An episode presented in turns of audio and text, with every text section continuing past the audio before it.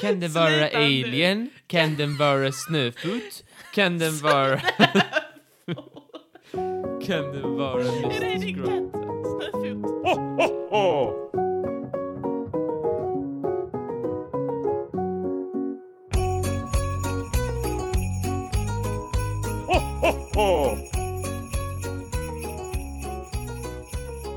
Hej och hjärtligt välkomna till Trivialists julkalender. Idag är det den 17 december. Är det så illa? Ja, så pass illa är det.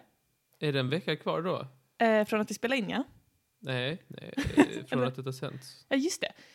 Precis, då är det en vecka kvar till julafton, Martin. Wow! Visst. Eh, och så heter han. Mitt namn är Molly. Men alltså, jag tänker så här, om ni inte vet det vid det här laget, det är väldigt konstigt att hoppa in på det tredje årets sjuttonde julkalenderlucka om man ska börja lyssna på podden. Jag tänker att de vet vilka vi är. Jag tror det finns ett gäng människor som bara kommer in och lyssnar på avsnitt 17 av olika poddars julkalender. Det tror jag. Det tror jag med. Du är lite stressad. Nej, jag är jättelugn. Det kommer, jag, jag, så här är jag, att jag liksom är en person som Ja, det är det ju. när en kris liksom så här träffar mig i ansiktet, då bara lapar jag i med den och säger manjana manjana, det, det löser sig helt enkelt. Så det sån är jag. En sån person är du.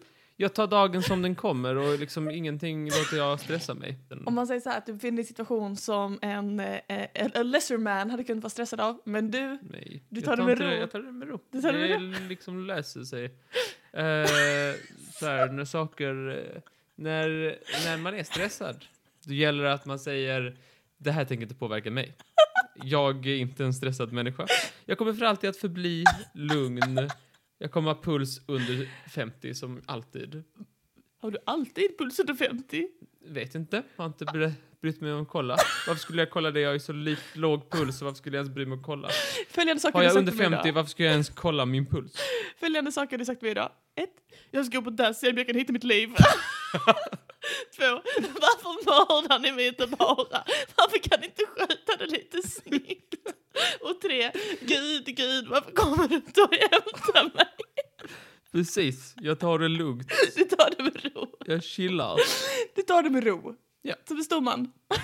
Som en lagom stor man i mina bästa år. Ja, men det är det ju faktiskt. Ja, men vad fint att höra att du mår så himla, himla bra. Jag har ju varit i Linköping Linköping. sen sist vi, vi poddade, tror jag. Hur är det i Linköping nu för tiden? Har han kvar sin korvkiosk bredvid parken? Vem? Ja, det vet jag inte. Jag bara gissar att det finns en korvkiosk bredvid parken Det finns det säkert. i Linköping. Nej men det var fint i Linköping, men jag, jag eh, åkte ju upp för min utbildning och så, ehm, det, var, så- det var ju snorkallt uppe liksom jämfört med hur det är här. Och så kom jag till skolan och så var det som att eh, någon bara såhär, ja men är det någon som har koll på hur kallt det är ute? Och de bara, ja det är sju grader. Och jag bara, sju grader, sju grader, är det sju grader? Ni ser att de pratar ju minusgrader. Mm. Pratar ju minusgrader! Det trodde man inte. Att, man in, att man skiter i att säga minus Ja. när man är i Linköping. Ja, för det är såhär, ja men det fattar ni väl att det, fattar du? Ja. Det är jättekonstigt. Ja det är Och så- fruktansvärt. Och så kommer det lite på tågen och så är alla inställda. Mm. Ja, jättebra. Mitt tåg, Toppen. jag kan också berätta det för dig om du, om du var nyfiken. Ja. på att när jag skulle hem från Linköping, då hade de ställt in mitt tåg. Varför är jag inte förvånad? Nej visst, du hör ju, väldigt tråkigt för mig.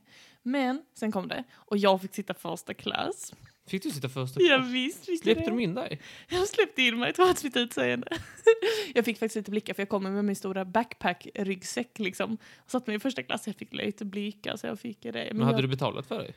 Ja, jag, jag fick ju boka om min biljett på grund av lite oförutsedda händelser. Så att jag hade en viss summa som jag var tvungen att balansera upp då. Och då kunde jag bara nå den om jag tog första klass. Så tog jag första klass och det var jag väldigt, väldigt glad att jag gjorde. Jag är väldigt glad att jag fick sitta första klass. Mhm. Jag kände mig som Ja. Martin, det gjorde jag. Med min lilla top hat och min lilla... Jag åker ju alltid vaske. första klass Ja. och så åker jag alltid med hög hatt. Jaså, det var spännande. Hög hatt och lackskor. Det tycker jag, när man sitter först, det här är faktiskt första klass, brukar Ja, jag säga. ja. Ni, Ursäkta. era, herregud, jeans, vad är det? Ska ni ha jeans på er i första klass? Nej du. Du, har- du hade reagerat om jag kom med min backpack. Liksom. Vad är frack? Var är fracken? Men jag, då vet du kanske, för jag var faktiskt med om en konstig grej i första klass, att jag fick ett bord, nej ett, ett säte med liksom ett bord. Har du sett såna? Ja. Och grejen är, jag uppskattar ju eh, extra benutrymme as much as the next guy. Som någon som är ganska lång så behöver jag ofta det. Speciellt jag brukar sitta med benen i kors. Men på det här stället var det, som, det var så mycket benutrymme att jag typ knappt nådde mitt skrivbord från sätet. Kände du igen? Mm. Mm, ja. Konstigt dilemma va? Ja, precis. I första klass. Men eh, man kan ju i regel styra stolen lite mer. Köra den fram och bak. lite. Ah, du visste inte att man kunde. Jag vet, Du är experten. Ja, det är, ju- det är faktiskt första klass. Det är ju min... Det är ju, jag kan jag som min egen ficka. Ja, det kan du. Nåväl, men vi är inte här för att prata om våra tågresor utan vi är här för att prata om olika saker som har med julen att göra sådär. Ja, har du det idag? Ja, eller ja. Nej, inte riktigt. Då så Martin, då är det upp till dig att öppna dagens lucka i julkalendern. Då öppnar jag den nu. Ja, varsågod. Idag är det dags för ett mysterium. Åh, El Mystico. Vad kan den vara för mysterium? Kan den vara Sluta nu. alien? Kan den vara snöfot? Kan den vara... kan den vara mystisk din katt? råtta? Snöfot. Nej. Mystisk Min katt råtta. heter Luna. Vad har du den för Det mystisk... betyder måne på latin. Okej. Det vet ingen. Ja. Vad är det för mystisk råtta? Det tror jag ska prata om. Snöfot. Menar du Bigfoot? Det är hans kusin. Snöfot, ja. Nej, ehm, jag ska berätta för dig om ett mysterium, eller så här, ett mystiskt öde, som jag har velat prata om sedan vi började podda. Idag, på dagens datum för 188 år sedan, så gick Kaspar Hauser ur tiden. Hauser. Mhm. Ehm, Kaspar Hauser var bara ungefär 21 år gammal när han dog. Och jag tänkte idag att jag skulle berätta för dig om hans öde. Vem han var, eller ja, så gott jag kan i alla fall. För det är ingen som egentligen vet. För oss, eh, eller för dem som inte kan räkna 2021 minus 188, kan du säga vilket år det är? År 1833. Den 17 december 1833 så dör alltså den här personen. Det är en väldigt viktig händelse Ja, i från- hans... Tyskland. Eh, ja, precis. Eller ja, även det är lite oklart. Jag ska berätta allt. Okej. Vår historia tar sin början år 1828, fem år innan Kaspar dör. Eh, det är nämligen en eh, vanlig morgon i Nürnberg i Tyskland. Och eh, stadens folk de går omkring och har sina ärenden så här. Ah, gå till mjölkpigan, fan vet jag de gör. Gå till Vad slakten. går till mjölkpigan? vad, ska, vad ska den med Ja, mjölkpigan det har inte du någonting med att göra Martin. Vem ska träffa, är det Lina i Emil, Ja. mjölkpigan? Ja, det är Lina Emil. Hon är inte Tyskland. In i staden vandrar en ungdom. En En kille, ungdom. En kille i 16-17 års ålder. Ehm, Har han brallorna så lite långt nere? Nej, absolut inte. Tvärtom. Han hade bakåt högt upp. Har han vattenkammat hår? Eh, nej, Har han något hår? han har hår. Försöka måla en bild här. Ja, Jag, jag, jag ska, om du låter mig prata, kommer jag måla en bild. Mm. Han är klädd i fina kläder. Han har en hatt med eh, guldbroderi på insidan. En Det är snusnäsduk. för mening har du på insidan. Ja, det är konstigt. En snusnäsduk med initialerna KH. En väst, en silkesnäsduk, en jacka och ett par fötter. nej, och Ett ett, Det och ett par skor eh, som får honom att gå väldigt liksom awkwardly. Han verkar liksom så här, halta fram och ha väldigt ont. Efter ett tag så börjar folk lägga märke till den här killen. Han, de, ingen som känner till honom. De tänker han är säkert någon typ av vagabond. Han är liksom en lösdrivare som bör kontaktas av polisen för han, man fick ju inte lov att driva runt löst på den tiden i Tyskland. Det var ju förbjudet liksom. Så eh, polisen eh, går upp till honom och säger Hallå där unge man, vem är du? Eh, och då märker de att han kan inte svara dem. Han kan bara säga häst, häst och vet inte. Häst, häst, vet inte. Mm. Häst, häst, vet inte. Man kan kombinera dem på olika sätt. Häst vet inte, vet inte häst. Ja, du hör ju. Det blir ju finns många, många kombinationer man kan Han kan so koka soppa på den spiken. Det kan han. Ehm, de undersöker hans person och de ser att han har ett brev på sig. eh, som är skrivet i en väldigt eh, fin handstil. Eh, och den här person, eh, det, det här brevet är eh, för, förklarar lite mer vad det här är för en filur som precis har vandrat in i deras stad. Ehm, de tar med sig Kaspar till polisstationen och läser det här brevet och där står det så här att eh, jag fick den här eh, pojken eh, från en eh, förtvivlad kvinna som inte kunde ta hand om honom och jag har försökt uppfostra honom som min egen son. Men eh, nu kan jag inte det längre. Vilket uselt jobb han har gjort. Hästar vet inte. Vet inte häst. Eh, just det, nej, Kaspar kunde faktiskt en mening till. Han kunde säga jag vill arbeta i kavalleriet, precis som min far. Men han Jaha. verkar inte förstå vad orden betyder. Han kunde bara säga Jag vill arbeta i kavalleriet precis som min far. Ja, Och de bara jaha varför då? Och så sa han Jag vill arbeta i kavalleriet precis som min far. men det verkar som att de borde, det borde finnas fler kriterier än att man vill för att ens far gjorde det. Visst. Vet inte. Brevet fortsätter i alla fall och säger då att eh, jag försökte ta hand om honom som min egen son, men eh, jag kan inte göra detta längre. Jag skickar honom därför till er och hoppas att han kan få plats i ett kavalleri. Eh, ni kan antingen ta in honom i kavalleriet eller hänga honom, det gör ni som ni själva vill. Men Vad det är ju inte uppfostrar som sin egen son. Vilket kastarbete. Men hur länge hade han, eh, haft hen, honom? Jo, eh, hans arbete hade varit kassare utfört än vad du kanske tror. För när polisen undersöker Kaspar närmare så märker de, utöver att han inte verkar kunna prata, så har han också andra så här, fysiska tecken som är väldigt märkliga. Du kommer ihåg jag nämnde att han haltade in i staden. Just. Hans fötter ser ut att inte ha blivit använda under hans 16-17 år. Alltså han har liksom ingen hård sula under fötterna. Hans fötter är som bebis, alltså helt mjuka du vet. Så de har fått stora blåsor och sår av de här skorna. Eh, han har väldigt blek hy, som att han har varit inomhus mycket. Och när han lämnas i fred så sitter han helt stilla så här. Utan att liksom ens eh, du vet, klia sig, titta omkring eller byta ställning eller någonting. Han bara sitter. Men hur vet man det om man lämnar honom helt i fred? Ja, Tjuvtittar man? De tjuvtittar tror jag. tror jag. Och sen så är det då det här märkliga med att han inte tycks kunna prata, han trivs bättre i mörka miljöer och han har eh, en, en aversion till all typ av mat som inte är rågbröd och vatten. De ger honom korv och öl och han förstår inte vad det är. I Tyskland Martin! Han förstår inte att korv och öl är i Tyskland. Det är ju barnmat. Jag menar det. Vadå, Eh, hade han bara varit i en brunn typ? Ja du, väldigt nära ska jag säga dig.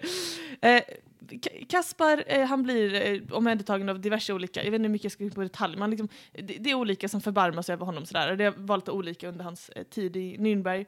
Ehm, eh, som förbarmade sig och tog in honom i sitt hem. Han blev liksom adopterad av staden Nürnberg. Eh, som blev liksom eh, byns barn. Han blev verkligen byns barn. Ehm, och eh, så småningom så eh, lärde han känna två stycken eh, ungdomar som lärde honom alfabetet och lärde honom att, att prata.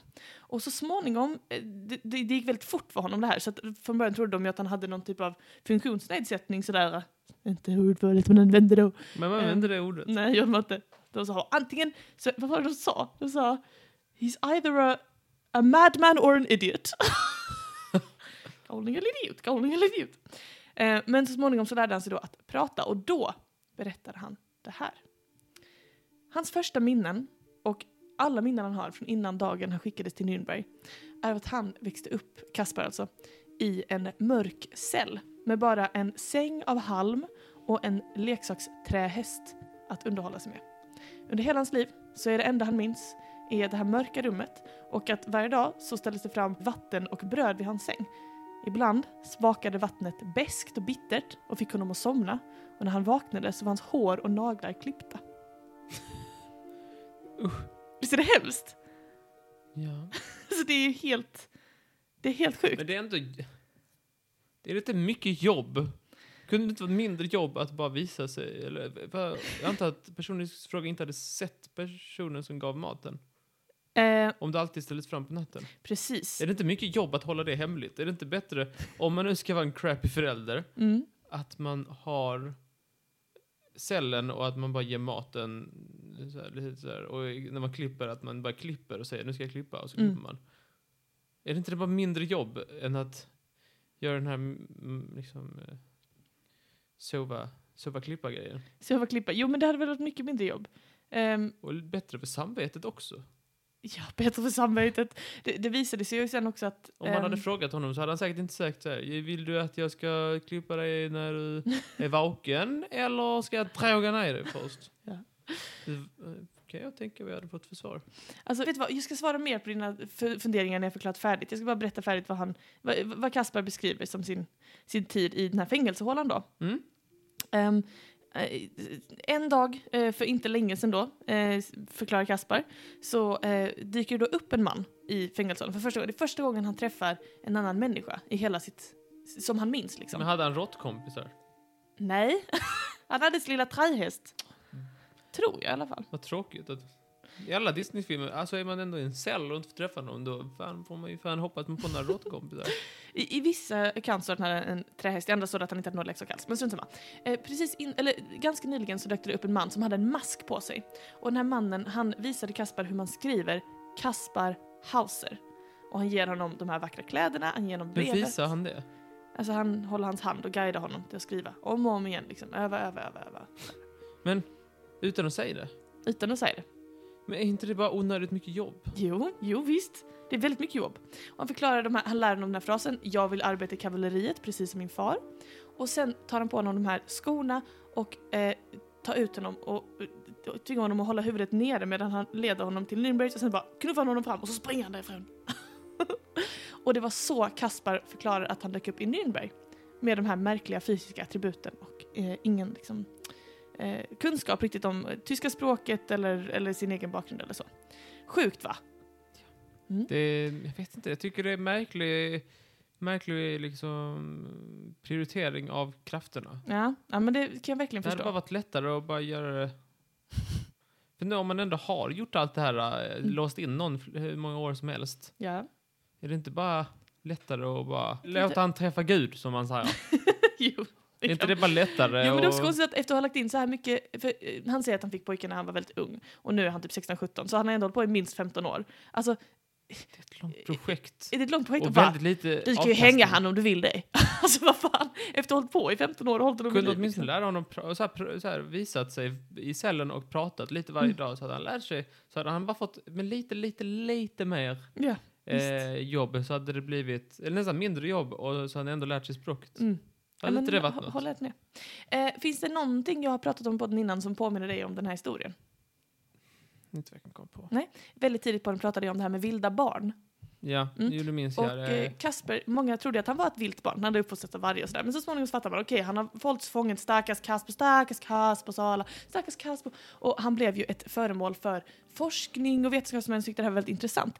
Eh, bland annat eh, en eh, man som jag har pratat om i det här avsnittet, som jag har glömt nu vad han heter, men eh, som, som ville undersöka vilda barn och sådär. Ehm, men tyvärr, man hade ju kunnat hoppas på att hans liv efter den här tragiska början skulle få ett eh, trevligare slut liksom. Ja, det kan man tycka. Men, Men Waka kakakao, så var icke fallet. Kaspar, han fortsätter sitt liv i Nürnberg då. Han, han lär sig mer och mer. Han visar till sig till exempel har en otrolig talang för att rita. Han kan rita jättefina eh, blyertsteckningar så här. Men eh, tyvärr så råkar han ut för en hel del konstiga eh, olyckor. Han har fått till exempel ett eh, sår tvärs över hela pannan som han hävdar inträffade från ett mycket märkligt sätt när han bodde hos en fosterfamilj. Och efter den här incidenten så börjar mamman i fosterfamiljen anklaga honom för att vara en narcissistisk och lögnaktig pojk så han får byta familj. Mhm. I den nya familjen så bråkas det också och där så får han ett skott som precis snuddar vid tinningen av pannan som han själv hävdar är att han råkade eh, få en pistol att avfyras efter att han sträckte efter någonting på bokhyllan. Och efter den här incidenten så skickas han också vidare till nästa familj och så vidare och så vidare. Tills en men dag... sa han nära ögat? Finns det något dokumenterat att, i att jag är källorna? så billig. Att du är så billig? Ehm, nej men det, är liksom, det här, och, och det började liksom spridas rykten om att han kanske han var en ganska rälig påg detta. Man ville, ju, man ville ju gärna att han skulle du vet, växa upp på ett hjärta av guld och så här. Framför allt de här vetenskapsmännen som forskade om vilda barn som, som ju hade tesen att det är samhället som förpestar själen och att människan per sin natur är god. De tyckte att det var lite störigt att han eh, kanske då inte blev så eh, älskad av alla. En kväll 1833 så kommer Kaspar hemrusandes till sin dåvarande fosterfamilj och håller sig om sidan. Och det visar sig att han blöder väldigt mycket. Han berättar att han har varit ute och gått och blivit inlurad i en park av en främling som har gett honom en påse och sen huggit honom i sidan med en dolk. Um, varför gav han påsen? jo, men i, men eh, i påsen så eh, finns det ett, eh, finns det en massa märkliga eh, saker. Ibland finns det en lapp där det står typ så här eh, du behövde dö och, och polisen, ni hade vetat vem jag var om ni bara frågar honom men han kan ju inte säga det till mig, ha ha ha ha. Mina initialer är det här.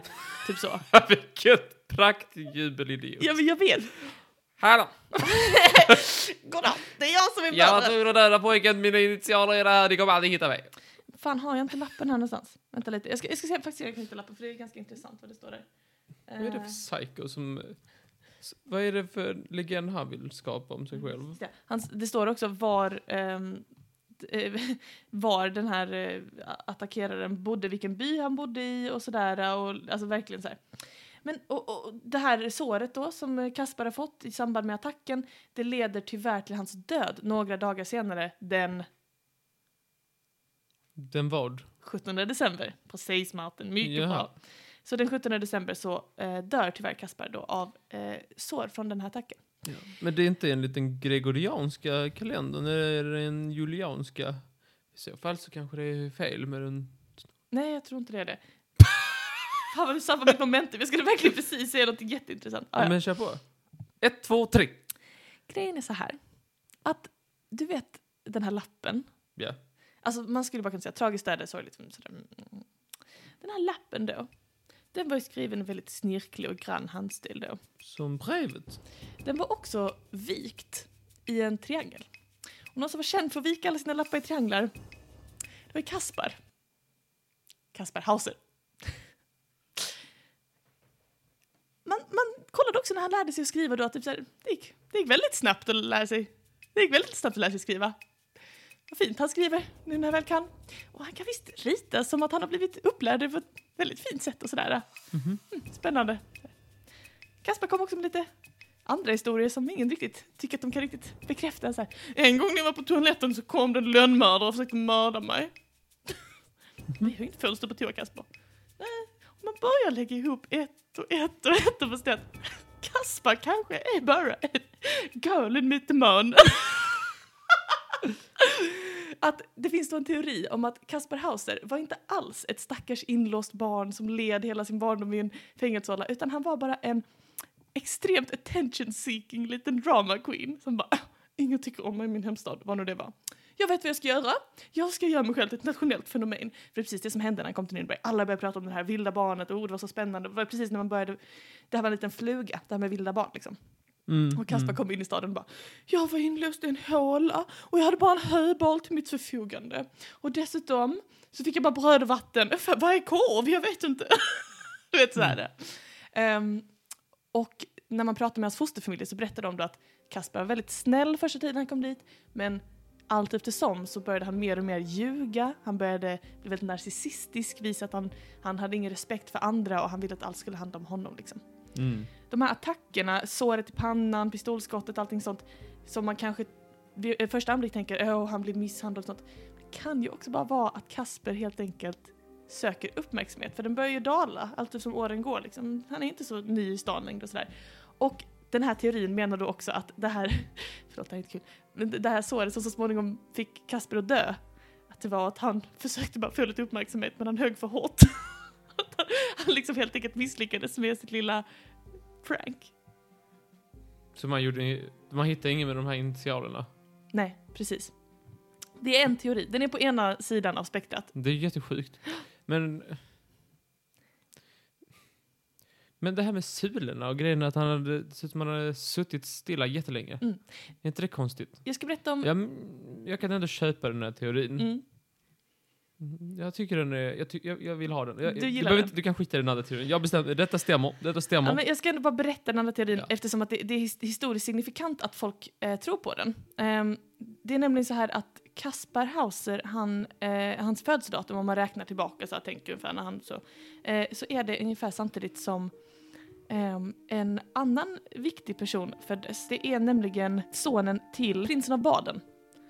Och Stephanie de Bahamais. det har bara majs. det har Bahamais. Vad Nej, heter ni på Hetagos? Det har bara majs. Det var alltså ett kungapar. det var bara majs. Det var alltså ett kungapar som fick en son som, eh, som skulle ha dött i, eh, som spädbarn. Ehm, men det finns elaka tungor talade redan då om att det här barnet faktiskt eh, kidnappades och eh, fördes bort för att någon ville liksom ha kanske antingen begära ut pengar eller så att det bara inte betalades av kungariket och sådär. Men var det en bastard? Det, Bastard? Nej, nej, det var alltså en, en, eh, en äkta kungason så att säga. Det hade förklarat varför eh, fångaren, eller den fäng, fängelse, fängelsevakten, hade hållit Kaspar eh, vid liv, även fast han inte ville visa sitt ansikte, ifall han hade behövt lämna tillbaka honom mot pengar, du vet. så vill han inte bli avslöjad. Han vill inte att de ska kunna beskriva hur han ser ut. Som han i The Iron Mask. Exakt så, för det är lite likt eh, järnmasken som du har pratat om. Ehm, och, eh, och, och så. Eh, det hade också kanske förklarat varför han ändå hade de här fina ägodelarna, att det kanske var någonting som hans mamma hade han hade fått med sig så, alltså så. Och han hade, Hast. du vet, hast. Han kan bara säga hast. Den här teorin prövades, har prövats i två olika tillfällen, 2002 och 2000... Kanske. Sju säger vi. Ja, något sånt. Ehm, när man har grävt upp eh, kläder som Kasper hade på sig när han mördades och tagit ett litet DNA-prov av blod från de här kläderna och jämfört med eh, levande släktingar till eh, prinsen av Baden som då skulle ha varit hans förmodade eh, pappa eller mamma. Man har, ah, eh, man har jämfört mitokondrie-DNA som går i den moderliga släktlinjen och sett att det finns 95% samma DNA hos de släktingarna och Kasper Hauser. Men kan man inte bara bekräfta den då? För grejen är att typ alla i Tyskland har 95% samma DNA. Vad dåligt. Så att det kan vara så att de är släkt, det kan också vara så att de inte är släkt. Men det är någonting som det har forskats mycket på som är en stor teori. Men nu till frågan, vad tror du Martin? Tror du att han var en galen mytoman eller tror du att han var en bortglömd prins? Alltså jag är ju svag. Jag, jag måste säga att jag är svag. för det här hantverket. Ja, visst! det är det, att ljuga ihop och bara gör det och man filar fötterna. Exakt, för det är min det är tanke det hantverket som jag verkligen uppskattar, Jag uppskattar också oavsett om man är en mytoman eller om man är något mycket värre. Men alltså jag uppskattar också, jag tror också att han i sådana fall filade, kanske hade- fotbad i flera månader, satt hemma, hur ska jag läsa detta? Och måste, måste vara jättejobbigt sitta sådär stilla och typ låtsas att man tycker om mörker. Alltså du vet, man måste hålla på hur mycket som helst. Det är det där hantverket som verkligen visar kärlek för konsten. Jag ska bli knäppast i stan, Ja, bäst jag behöver. visst. Så du tror mer på den? Jag väljer att tro på den. Ja, den är, det är faktiskt jag också. Det är Men det- Det är en story. otrolig historia. Man, man kan gärna läsa mer. Det finns oändligt många artiklar och böcker om Kasper Hauser. Men jag ville bara dela med mig och eh, liksom hylla hans minne då. Eh, 188 år sedan idag som han gick ur tiden. Så att, eh, eh, tack för det Kasper. Det var ett spännande mysterium, eller hur? Ja, visst. Mm, tack så mycket. Då hörs vi igen imorgon Martin. Ja. Hej då!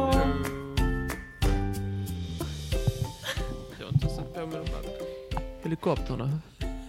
Menar du hörlurarna? Ser ut som ett slaktdjur. Varför drar ni ut på det? Varför ska jag gå igenom hela ni ska göra mig? Du kommer bli en sån god paj Martin. Varför ska ni dra ut på det? Kan ni inte bara göra det lite snyggt? Kan ni inte avflyga mig lite snabbt? Räckte det inte som det var?